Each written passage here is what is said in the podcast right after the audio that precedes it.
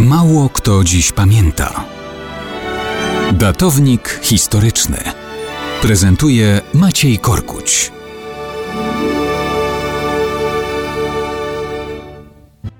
Dla mnie 19 grudnia to nieodmiennie przypomnienie urodzin mojej córki. Wszystkiego najlepszego, Olu. Ale to także dzień narodzin pewnej opowieści w roku 1843. Poczytajmy początek. Marley już nie żył. Nie ulega to najmniejszej wątpliwości.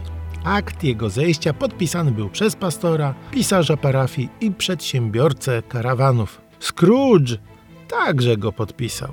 Nieco dalej mamy lekkie podsumowanie. Stary Marley umarł więc z całą pewnością.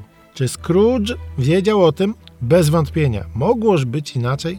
I potem znowu. Nie ma wątpliwości, że Marley umarł. Trzeba to dokładnie zrozumieć i głęboko się tym przejąć, inaczej historia, którą zamierzam opowiedzieć, nie miałaby w sobie nic nadzwyczajnego. Tak się zaczęła opowieść wigilijna Karola Dickensa o człowieku podłym, nienawidzącym ludzi i skąpym, którego nawiedziła zjawa zmarłego wspólnika od interesów. Sam Dickens, syn zrujnowanego urzędnika uwięzionego za długi, nie od razu trafił na salony literackie. Pracował w fabryce pasty do butów, ale z uporem zdobywał wykształcenie. To mu pomogło. Został w końcu sprawozdawcą z obrad parlamentu. Był 25-letnim młodzieńcem, kiedy drukowany w odcinkach klub Pickwicka rozpędził jego literacką karierę.